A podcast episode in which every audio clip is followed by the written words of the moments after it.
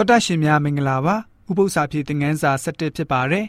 ဇွန်လ6ရက်ကနေ12ရက်အထိလေ့လာသွားမယ့်ဥပု္ပ္ပစာပြေသင်ငန်းစာရဲ့ခေါင်းစဉ်ကြီးကတော့တမန်ကျမ်းစာနှင့်ပျောဖက်ပြုအနာဂတ်စကားဖြစ်ပါတယ်ဖတ်မဲ့ချင်းချက်တွေကတော့ဒန်လနဂတိကျမ်းခန်းကြီး2အငယ်29ကနေ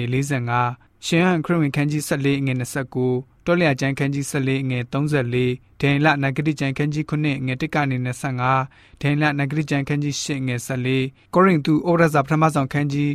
10အငယ်1ကနေ73တို့ဖြစ်ပါတယ်အဓိကကျမ်းချက်ကိုတော့ဒန်လနဂတိကျမ်းခန်းကြီး10အငယ်14မှာတွေ့နိုင်ပါတယ်ရခင်ပြောသောသူကရက်ပေါင်း2300တိုင်တိုင်တည်လိမ့်မည်ထို့နောက်တန်ရှင်းရာဌာနကိုတဖန်စေကျော်တုတ်တင်ကြလိမ့်မည်ဟုပြန်၍ပြောဆိုဤဆိုပြီးတော့ဖော်ပြထားပါတယ်။ တမန်ကျမ်းစာဟာကျွန်တော်တို့အတွက်အမှုတော်ဆောင်တဲ့နေရာမှာရောကျွန်တော်တို့ရဲ့အသွင်လက္ခဏာကိုဖော်ပြတဲ့နေရာမှာရောအတိမ်းဆောင်မခံအရေးပါလာတဲ့လမ်းညွန်ပြသတဲ့သူဖြစ်ပါတယ်။ပြောဖက်ပြုချက်စကားအလုံးဟာနှုတ်ကပတ်တော်မှာရှိတဲ့တိကျမှန်ကန်မှုကိုအတည်ပြုပေးပါတယ်။အတွင်းအပြင်ပေါ်လွင်ထင်ရှားစေဖို့ပြင်ဆင်ပေးတဲ့အရာဖြစ်ပါတယ်။ရှန်ခရစ်ဝင်ခန်းကြီး14ငွေ29မှာဆိုရင်ထိုအမှုအရာရောက်သောအခါသင်တို့သည်ယုံကြည်စေခြင်းကမရောက်မီယခုပင်သင်တို့အားငါပြောနေမည်ဆိုပြီးတော့ ယေရှုရှင်မိန့်တော်မူခဲ့တာရှိပါတယ်။အရေးကြီးတဲ့မိကွန်းကတော့ကြိုတင်ဟောတဲ့ပြောဖက်စကားကိုကျွန်တော်တို့ဘယ်လိုမျိုးမှန်ကန်စွာအ내ဖော်ကြမလဲ။မှန်ကန်စွာအ내ဖော်နိုင်မှသာပြောဖက်စကားဘယ်လိုမျိုးရှိတယ်ဘယ်လိုမျိုးနဲ့နဲတယ်ဘယ်လိုမျိုးပြည့်စုံလာတယ်ဆိုတာကိုရှင်းလင်းစွာမြင်တွေ့ရမှာဖြစ်ပါတယ်။ပြန်လည်ပြပြင်ပြောင်းလဲခြင်းကာလအတွင်းမှာပြပြင်ရေးပြောင်းလဲသမားတွေဟာဆိုရင်သမိုင်းပညာရှင်တွေရဲ့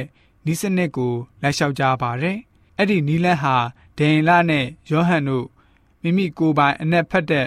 တော့ချက်နဲ့အသုံးပြုတဲ့နီးဖြစ်ပါတယ်။ရာဇဝင်သမိုင်းကိုထောက်ပြတဲ့စနစ်ဟာပြောဖက်ပြုချက်တွေကို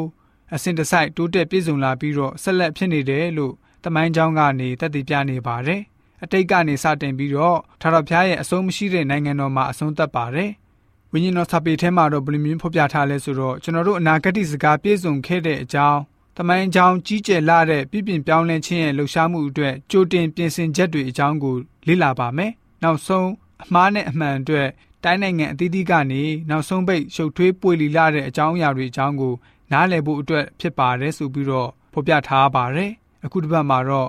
ရာဇဝင်သမိုင်းက